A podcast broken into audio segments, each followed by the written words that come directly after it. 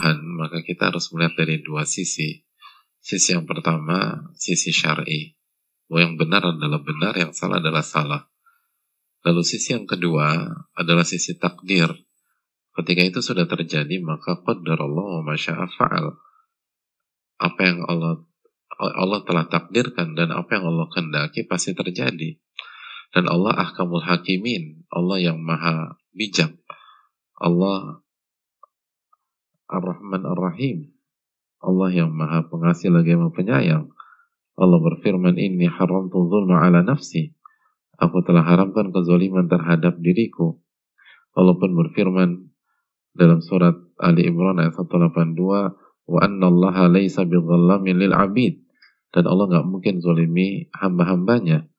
Maka jika ini yang kita kedepankan dan kita yakini, maka yang harus kita lakukan adalah yang hendaknya kita lakukan adalah kita memberi uh, rasa kasih kepada dia. Dan kan sekali lagi pasti ada hikmah yang besar pasti ada kebaikan yang luas baik kita tahu atau tidak tahu pada hari ini. Baik eh, pada hari ini kita merasa dirugikan atau tidak. Tapi ketika kita hitung-hitungan secara jangka panjang pasti wal aqibatu lil muttaqin dan ending pasti untuk orang-orang yang bertakwa. Dan ketika kita bisa menggabungkan dua sisi ini maka kita akan hidup dengan tenang. Kita akan hidup dengan nyaman dan kita bisa uh, tegas dengan selimut kelembutan dan uh, kelemah lembutan. Dan itu yang di yang diinginkan. Jadi uh, jangan pernah lupakan sisi takdir karena itu imannya orang-orang yang beriman. Itu rukun iman yang keenam. Jangan hanya melihat dari sisi uh, ini boleh atau ini tidak boleh, ini salah atau ini benar. It, kita harus lihat dari sisi itu, tapi jangan berhenti sampai di sana.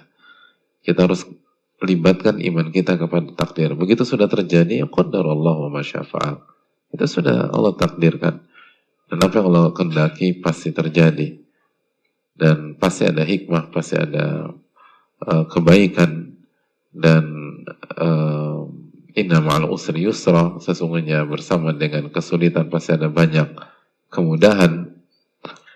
Dan itu yang perlu kita uh, renungkan bersama-sama. Makanya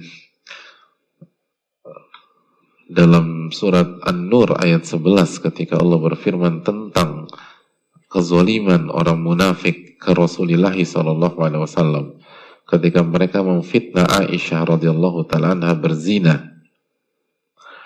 Apa kata Allah Subhanahu wa taala?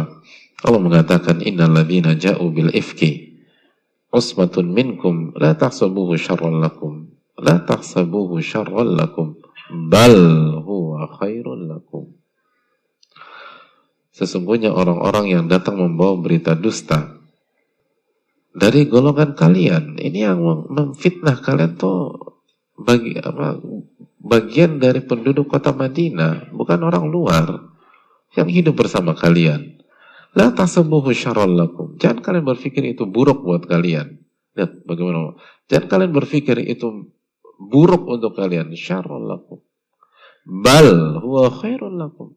Sebaliknya, fitnahan mereka itu positif buat kalian. Positif. Dan berpikir itu ngancurin Aisyah. Buktinya Aisyah nggak hancur. Bahkan beliau sangat terhormat. Bayangkan ada ayat-ayat dalam surat An-Nur turun khusus beliau. Beliau nama beliau dibersihkan oleh Rabbul Alamin langsung melalui firman-firmannya. Bukan melalui pengadilan, bukan melalui dukungan dari publik, tidak. Allah Rabbul Alamin yang masuk, yang membersihkan nama baik beliau. Ini jelas. Bal huwa khairul khairul lakum. Sebaliknya itu bagus buat kalian. Itu kalau kita langsung dirugikan. Apalagi kalau ini nggak ada kaitannya dengan kita. Itu maksiat dia dengan Allah. Ya buat apa kita jadi emosi pribadi Tapi kalau sekali lagi uh, marah karena Allah, ya itu positif. Tapi itu ada kadarnya hadirin. Betapa emosi dan seterusnya. Justru kita bagaimana dia bagaimana dia bertobat, bagaimana dia dapat hidayah kembali. Karena kasihan dianya, nanti dia tersiksa, dia akan hancur, dia akan uh, sengsara, dia nggak akan bahagia dan seterusnya. Itu yang. Jadi kacamata syar'i dan kacamata kauni qadari. Secara syar'i dan secara takdir. Secara syar'i yang benar itu benar, yang salah itu salah. Secara takdir Allah sudah terjadi. Dan pasti ada hikmah. Sekarang bagaimana menyelamatkan dia?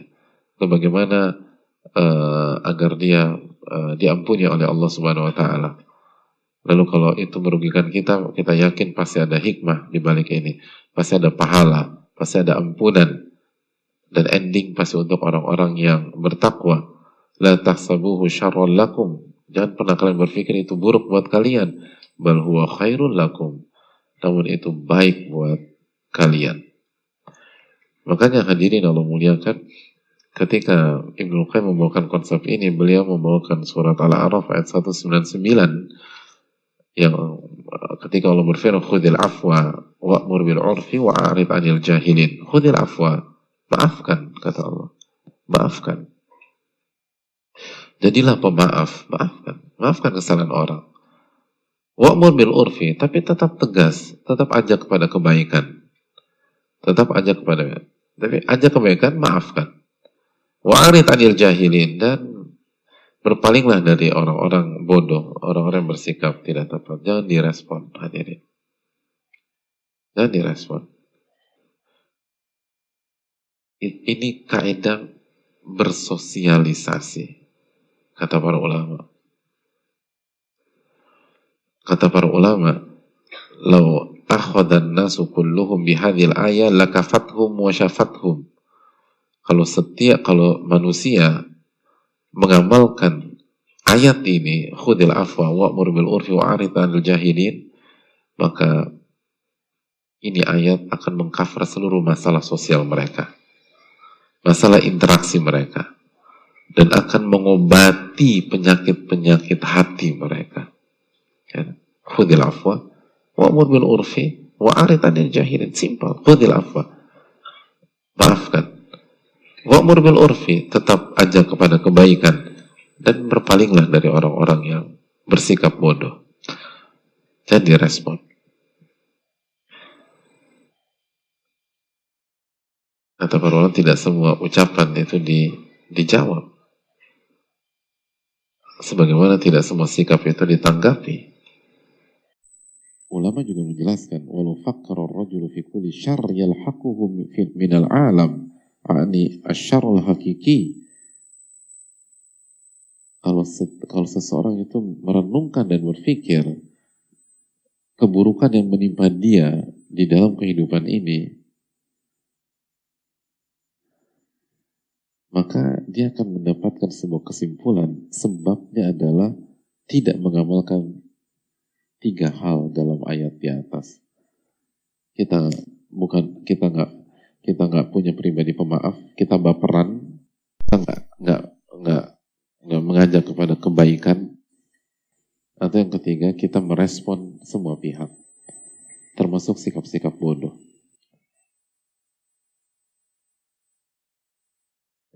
Semua keburukan secara interaksi sosial itu karena kita tidak mengamalkan tiga hal di atas. Tidak menjadi pribadi pemaaf, tidak lemah lembut, tidak uh, mengajak kepada kebaikan, dan tidak uh, menghindari sikap-sikap bodoh. Wa'arid anil jahilin. Dan berpalinglah dari orang-orang yang bersikap bodoh.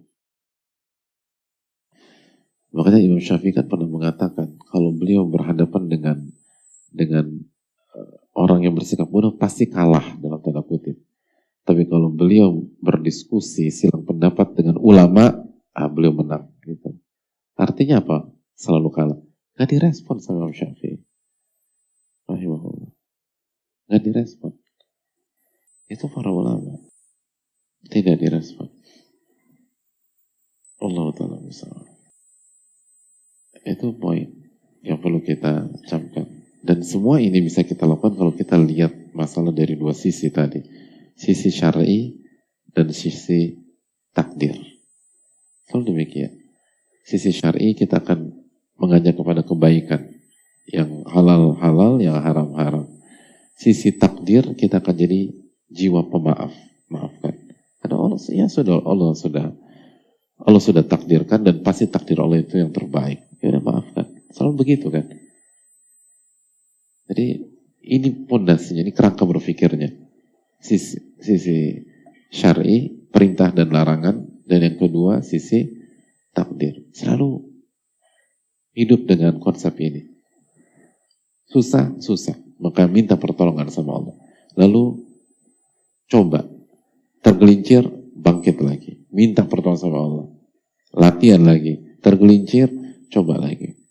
Kata Al-Ajuri rahimahullah, salah satu ulama syafi'iyah, beliau mengatakan, kita ini butuh riyadhatun nafas. Kita butuh didik diri kita dan jiwa kita. Untuk bisa punya level setinggi ini. Jadi kalau kita ingin punya level berpikir dan bersikap setinggi ini, itu nggak bisa keluar dari masjid ini langsung jago itu nggak mungkin bisa. Nggak bisa. Ini level tinggi sekali hadirin. Ini harus riyadhatun nafas. Ini harus mendidik jiwa kita sendiri. Itu waktu. Tapi kita harus mulai. Dan harus ada progres. Walaupun kurvanya landai. Dan itulah perubahan yang terbaik. Perubahan terbaik itu kurva itu landai kan. Nggak harus meroket. Dan menjangka panjang. Menjangka panjang. Menjangka panjang. Sehingga nanti kita mendapatkan keimanan yang kuat dan kedewasaan dan benar-benar menjadi penuntut ilmu sejati yang bisa melihat dari dua sisi dan menyatukan dua sisi itu menjadi sebuah sikap yang matang, sikap yang dewasa, dan sikap yang penuh dengan nilai keimanan dan ketauhidan kepada Allah Subhanahu. Dan jangan lupa lihat dari sisi syar'i dan lihat dari sisi kauni qadari. Dari sisi takdir gitu. Selalu lihat dari situ. Oh, sudah kejadian. Qadar Allah wa syafa'at. Sekarang bagaimana solusi? Bagaimana menyelesaikan? Bagaimana uh, menolong dia? Bagaimana agar dia tidak sengsara? Karena orang yang melakukan kesalahan sengsara. Jadi. وَمَنْ أَعْرَضَ عَنْ ذِكْرِ فَإِنَّ لَهُ مَعِيشَةً ضَنْكَ dalam surat Toha ayat 124 barang siapa yang berpaling dari peringatanku dia akan hidup sengsara itu clear yang punya kehidupan yang bilang berpaling dari peringatan Allah sengsara hidupnya mau dia basa-basi sama kita kayak mau dia terlihat uh, hidup dalam kemewahan sengsara yang punya kehidupan ini yang mengatakan sengsara. Jadi udah nggak usah di apa, nggak usah dijatuh-jatuhin lagi. Justru yang harus kita pikirkan gimana menolong, gimana agar dia bangkit. Kalau sengsara udah clear sengsara. Kan kadang-kadang kalau kita dizolimi kan dia harus merasakan apa yang saya rasakan. Sudah mas, cuma anda nggak tahu aja. Gitu. Kan dia nggak cerita-cerita ke anda. Sebagaimana anda nggak cerita-cerita ke dia kan. Sudah. Allah yang berfirman, "Waman a'rada 'an dzikri fa inna lahu ma'isyatan tonka." Orang siapa berpaling dalam peringatanku, dia akan hidup dengan sengsara.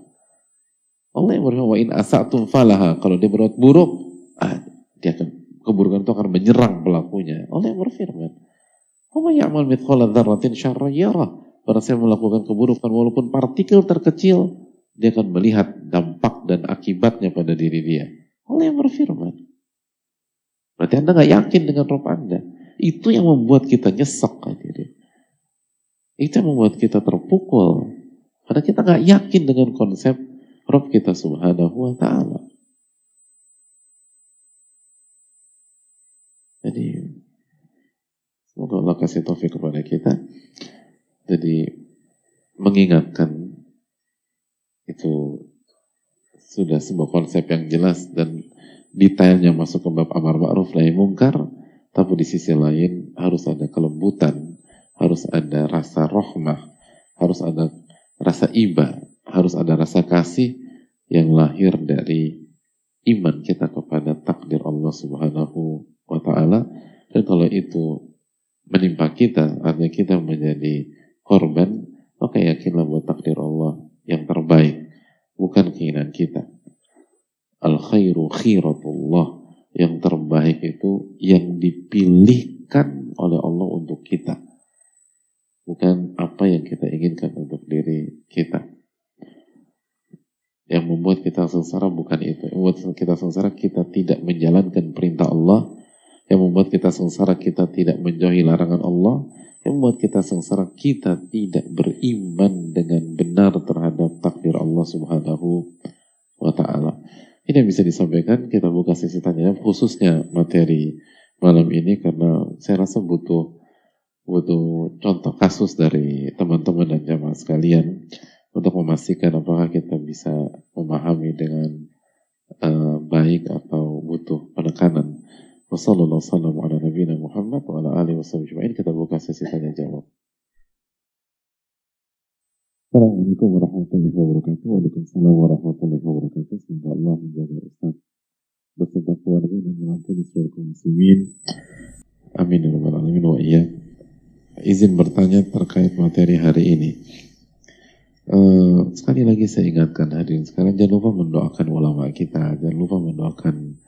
Az-Zarnuji, uh, Ibnu Jama'ah rahimahullah, mendoakan Ibnu Qayyim rahimahullah dan para ulama-ulama yang lain. Karena kita dapat dapat ilmu luar biasa dari mereka. Dan Allah dan Nabi SAW bersabda la yashkurullah ma la yashkurun nas. Gak bersyukur kepada Allah orang yang gak bersyukur kepada manusia. Dan dalam hadis Ibnu Umar mengatakan man sana ilaikum ma'rufan fakafi'uh. Barang siapa berbuat baik kepada anda maka balaslah dengan selevel kepada orang tersebut dan kalau an, kalau Anda tidak mampu membalasnya, maka doakan hatta tarau sampai kali, sampai kalian merasa dan melihat kalian sudah membalasnya. Jadi doakan itu bukan satu dua kali, terus doakan, terus doakan, terus doakan. Itu pun sekali lagi sebatas mendoakan ketika kita tidak mampu membalas secara uh, secara selevel atau mendekati selevel. Kalau bisa membalas dan mendoakan itu yang terbaik. Itu yang terbaik. Jadi kita harus kita harus latih merubah mindset kita. Jangan hadirin sekalian. Ilmu itu anugerah. Ilmu itu nikmat. Dan setiap nikmat harus harus disyukuri. Bukan bukan Bukan gratisan begitu aja. Harus disyukuri. Thumma latus alunna yawma idhin anin naim. Kalian akan ditanya tentang nikmat tersebut. Dan di antaranya adalah bersyukur apa tidak. La yashkurullah ma nashkurun nas. Dan bersyukur itu bersyukur kepada Allah. Dan bersyukur kepada, atau lalu bersyukur kepada manusia atau pihak yang memberikan kebaikan kepada kita. Dan mensyukuri kepada pihak yang yang apa yang yang berbuat baik kepada kita dengan cara apa? Dengan cara membalas setimpal, membalas selevel. Itu dulu. Kalau nggak bisa 100%, 90%. Nggak bisa 50, 80%. 80%, 70%. 70%, 60%. Baru begitu, kalau benar-benar nggak bisa, doakan. Sampai kapan? Sampai kita merasa sudah balas kebaikan-kebaikannya. Di situlah ilmu kita akan bermanfaat Mau sejenius apa pun, mau secerdas apa pun. Kalau kita tidak bersyukur, neraka hadirin. Kan itu. Penyebab banyak wanita masuk neraka apa? Yakfurna. Yakfurna al-ashir wa yakfurna al-ihsan. Bukan karena masalah gender kan. Tapi karena kufur nikmat dan kufur kebaikan. Gak bersyukur. Maka baik, laki, baik perempuan maupun laki-laki yang tidak mensyukuri kebaikan maka dia terancam neraka hadirin. Jadi jangan berpikir apa namanya, oh dapat ilmu pulang selesai masalah. Enggak. Jangan samakan ini dengan dengan dengan hal lain. Ini ilmu agama hadirin sekalian. Ini kenikmatan. Cara berpikirnya adalah kenikmatan harus disyukuri. Dan harus terbiasa. Artinya kalau kita tidak mendoakan, mendoakan itu udah paling mentok. Kalau ini juga nggak ada, ya kita bagaimana ketika dikatakan kita sebagai orang bersyukur? Hanya mendoakan opsi terakhir, opsi terakhir. Bagaimana sabda Nabi SAW? Yang kalau tidak kita lakukan, berarti nggak ada opsi lagi untuk itu. Berarti kita nggak ngamalin. Dan kalau kita ngamalin, ada masalah besar dalam diri kita. Walaupun kita keluar dari mas, ma, majelis ini paham 100%. Tapi yang diminta oleh Allah bukan hanya paham. Yang diminta oleh Allah adalah bagaimana bersyukur kepada Allah Subhanahu wa taala. Maka ini yang harus direnungkan terus, ditam, ditanamkan terus. Sudahkah kita bersyukur? Sudahkah kita bersyukur? Sudahkah kita bersyukur? Bersyukur kepada Allah lalu bersyukur kepada manusia. Dan jangan pernah lupakan doa. Itu untuk kebaikan kita. Dan kalau kita nggak bisa menghargai nikmat tertinggi, yaitu nikmat hidayah dan nikmat ilmu, kita nggak akan mungkin bisa menghargai nikmat yang di bawahnya. Simpelnya gini loh, kalau kita nggak bisa berterima kasih dan balas budi kepada orang yang telah kasih kita 100 miliar, mungkinkah kita punya mental berterima kasih dan balas budi ke orang yang kasih kita 1 juta atau 2 juta rupiah? Ya mustahil. Paling 100 miliar aja nggak bisa balas budi kok. Mental balas budi ya, bukan ngebalas balas 100 miliar. Tapi ucapan terima kasih anda nggak nggak nggak nggak ucapkan. It, padahal dia kasih 100 miliar loh. Gimana ngasih dikit? yang kasih banyak aja anda cuekin. Itu poin. Jadi sesimpel itu aja.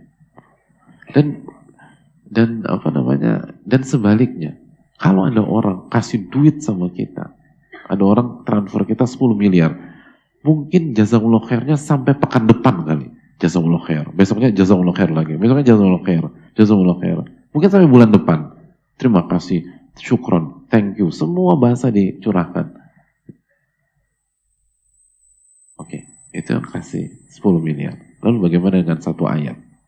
Bagaimana dengan satu hadis? Yang Allah berfirman dalam surat Yunus, "Wa khairun mimma yajma'un." Ayat Quran itu lebih baik daripada seluruh harta yang mereka kumpulkan. Lebih baik kepada dunia dan seisinya. Benarkah kita meyakini bahwa ilmu itu di atas harta? Bukan dengan lisan hadirin, tapi bagaimana sikap kita dan cara kita merespon itu.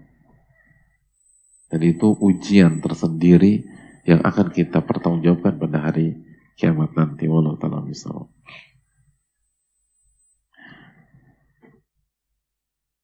Tapi mungkin yang bertanya belum tahu, makanya kita perlu tekankan untuk kebaikan yang bertanya sendiri, karena bersyukur itu keharusan, wajib. Bersyukur itu wajib, bukan bukan sunnah. Makanya Allah kata, wala in kafartum Inna adabi syadid. Kalau kalian kufur nikmat, adabku sangat pedih. Adabku sangat pedih. Izin bertanya terkait materi hari ini, jika satu dua hari kita mungkin bisa menghadirkan rasa kasihan kepada orang yang berbuat salah. Lalu bagaimana jika kita mendapatkan orang tersebut berbulan-bulan terus melakukan kesalahan yang sama, misalnya tidak sholat, dan kita sudah menasihati dan berbuat lemah lembut kepada orang tersebut, Allah khairan, Ya Ustaz, oh iya Kalau satu sholat aja kita kita punya rasa iba, apalagi satu bulan dia nggak sholat, itu dosanya kayak apa hadirin? Dosanya luar biasa. Dijelaskan sebagian ulama seperti Ibnu Qayyim rahimahullah, sekali nggak sholat itu lebih parah daripada dosa zina. Gimana orang nggak sholat satu bulan? Dan pengaruhnya berat hadirin. Gak sholat itu bukan hanya dosa yang dosa yang sangat parah, tapi mempengaruhi kehidupan seseorang benar deh. Gersang kehidupannya, masalah, hambar. Bagaimana tidak? Inna sholat tanha anil fahsyai wal mungkar. Sholat itu mencegah perbuatan keji dan mungkar. Begitu sholatnya hilang, maka keji dan mungkar kan masuk terus ke dalam kehidupan seseorang. Kalau isi kehidupan seseorang keji dan mungkar, mau jadi apa dia? Itu benteng, benteng dari gempuran perbuatan keji dan mungkar. Kalau itu udah jebol, oh berantakan hidup seseorang. Maka kita harus punya rasa rasa kasih ke dia. Ya Allah, kesian ini orang. Bukan karena kita lebih baik, tapi ini bahaya buat kehidupannya. Gimana caranya dia biar sholat? Karena gersang hidup seperti itu. Oh nggak tenang hadirin. Itu yang perlu kita tanamkan. Walau ta'ala misalnya. Assalamualaikum warahmatullahi wabarakatuh. Waalaikumsalam warahmatullahi wabarakatuh. Semoga Allah merahmati Ibnu Jamaah rahimahullah, Ustadz, para, para panitia, serta jamaah di mana pun mereka menuntut ilmu. Amin ya alamin. Dan semoga Allah merahmati seluruh kaum muslimin. Amin ya Dan semoga Allah merahmati yang bertanya. Izin bertanya Ustadz, Qadarullah wa syafa'al penyakit saya kambuh ketika sedang bawa mobil menuju masjid ini. Alhamdulillah saat serangan, saya masih bisa membawa pulang mobil ke rumah saat ini saya hanya bisa berbaring di kamar. Pertanyaan saya, Ustadz bagaimana saya wudhu untuk sholat? Apakah bisa tayamum atau dipercikan air oleh istri saya? Soalnya berdiri saja, saja tidak mampu. Serta doakan saya semoga lekas sembuh dan bisa menuntut ilmu lagi. Jazakallah khair Ustaz atas jawabannya wa iyyaku. Uh, Nas'alullah al-azim rabbul arsyil azim an ashfiyahu shifaan ajilan shifaan la yughadiru saqama. اللهم أذهب البأس رب الناس اشفي اشفيه وأنت شافي لا شفاء إلا شفاؤك شفاء لا يغادر سقما Semoga Allah memberikan kesembuhan pada yang bertanya dan semoga Allah SWT menggugurkan uh, segala khilaf beliau dan semoga Allah mengangkat derajat beliau di dunia maupun di akhirat kelak amin ya rabbal alamin dan untuk uh, uh, untuk sholat kalau bisa diwudukkan oleh istrinya uh, diwudukkan kalau nggak bisa tayamum. Tayamum. Lalu dia sholat dan semoga Allah Subhanahu Wa Taala memberikan pahala yang sangat besar dan kalau tidak bisa berdiri jangan dipaksakan berdiri. Dia bisa sholat sambil duduk atau berbaring. Dan uh, dan semoga Allah Subhanahu Wa Taala memberikan kebaikan dalam uh, musibah yang menimpa beliau ini dan membuat iman beliau tambah kuat lagi dan tambah uh, terbuka lagi bahwa memang sebagaimana kata Nabi SAW Allahumma la aisha illa aishul akhirah. Ya Allah tidak ada kehidupan kecuali kehidupan akhirat. Allah Ta'ala misal Assalamualaikum warahmatullahi wabarakatuh. Waalaikumsalam warahmatullahi wabarakatuh. Uh, Semoga Allah menjaga dan ke, menjaga kesehatan dan keberkahan para, bagi para ulama, ustadz, keluarga, seluruh tim. Allahumma amin amin alamin. Begitu juga yang bertanya. Saya izin bertanya Ustadz sebelum mohon maaf keluar dari materi. Saya seorang remaja yang baru menginjak 17 tahun. Tapi saya merasa sudah capek banget sama hidup saya Ustadz. 17 tahun.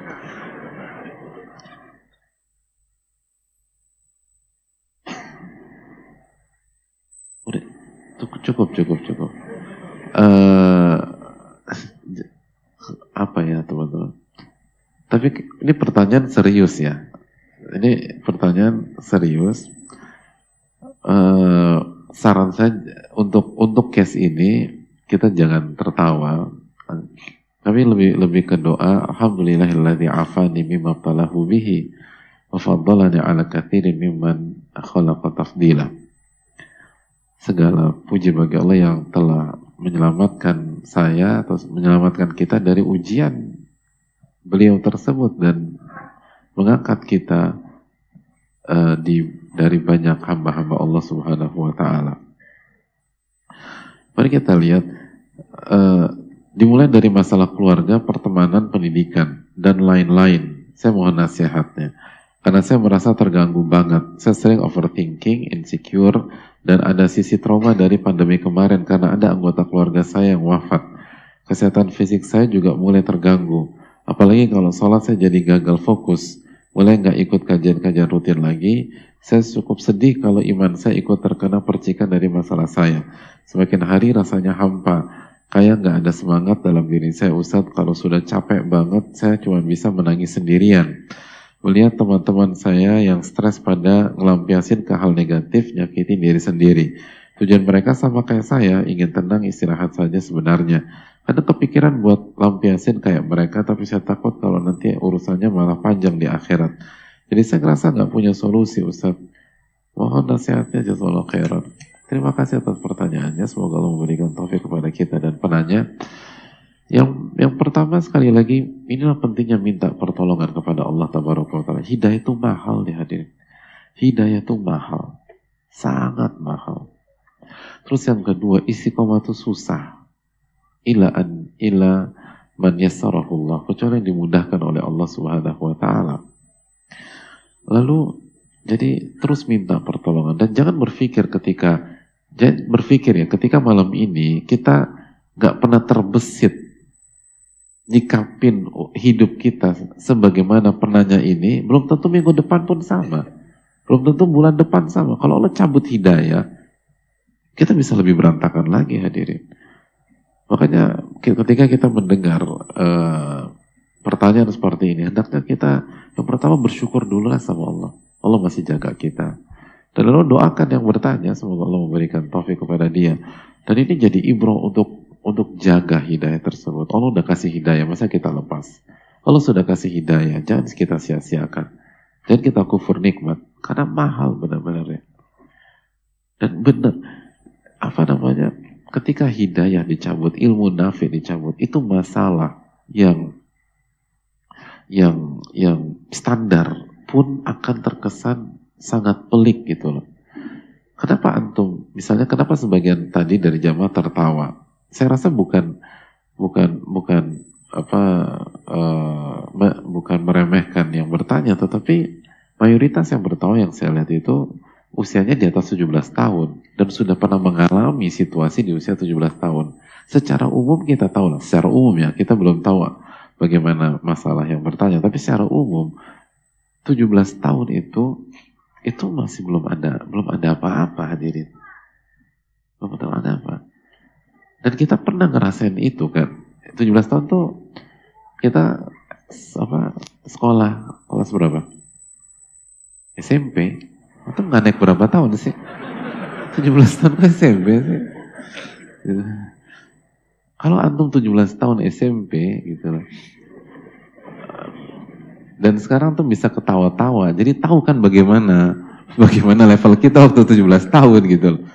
Artinya waktu 17 tahun waktu kita SMA misalnya kita ngerasain deh kayaknya kayaknya kayaknya tamat nih hidup gue nih. Pernah ngomong gitu gak sih waktu 17 tahun di SMA gitu? Hancur deh gitu.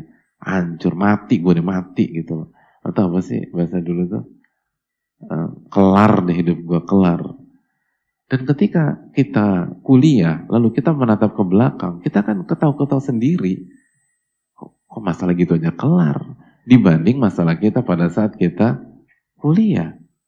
Dan di kuliah juga nanti gitu lagi, kelar hidup gue nih, kelar nih, mati gue nih, selesai riwayat gue. Nanti lima tahun kemudian, sepuluh tahun kemudian pas kita udah kerja dan segala macam hirup pikuk, kita menengok ke belakang, kita akan geli sendiri. Kok masalah kampus gitu aja kelar? Karena kita menghadapi masalah yang jauh lebih lebih berat. Dan begitu seterusnya. Begitu seterusnya. Kenapa kita berpikir demikian? Berarti bukan karena masalahnya. Tapi karena ilmu dan imannya itu masalahnya. Maka kuncinya simpel. Perbaiki ilmu dan perbaiki iman. Dan yang terakhir lingkungan. Tadi kan bilang kan teman-temannya nyakitin diri sendiri juga. Ya jangan bergaul sama orang-orang kayak gitu. Kita butuh orang-orang yang sabar, yang baik, yang bersyukur, yang beriman kepada takdir sehingga bisa menjadi booster keimanan kita. Berarti penanya dan kita semua butuh lingkungan yang yang bisa meningkatkan keimanan kita kepada Allah Subhanahu wa taala. Saya rasa cukup sampai di sini. Jazakallahu khairan. Subhanakallahumma wa bihamdika, la ilaha illa anta, astaghfiruka wa Assalamualaikum warahmatullahi wabarakatuh. Syukur.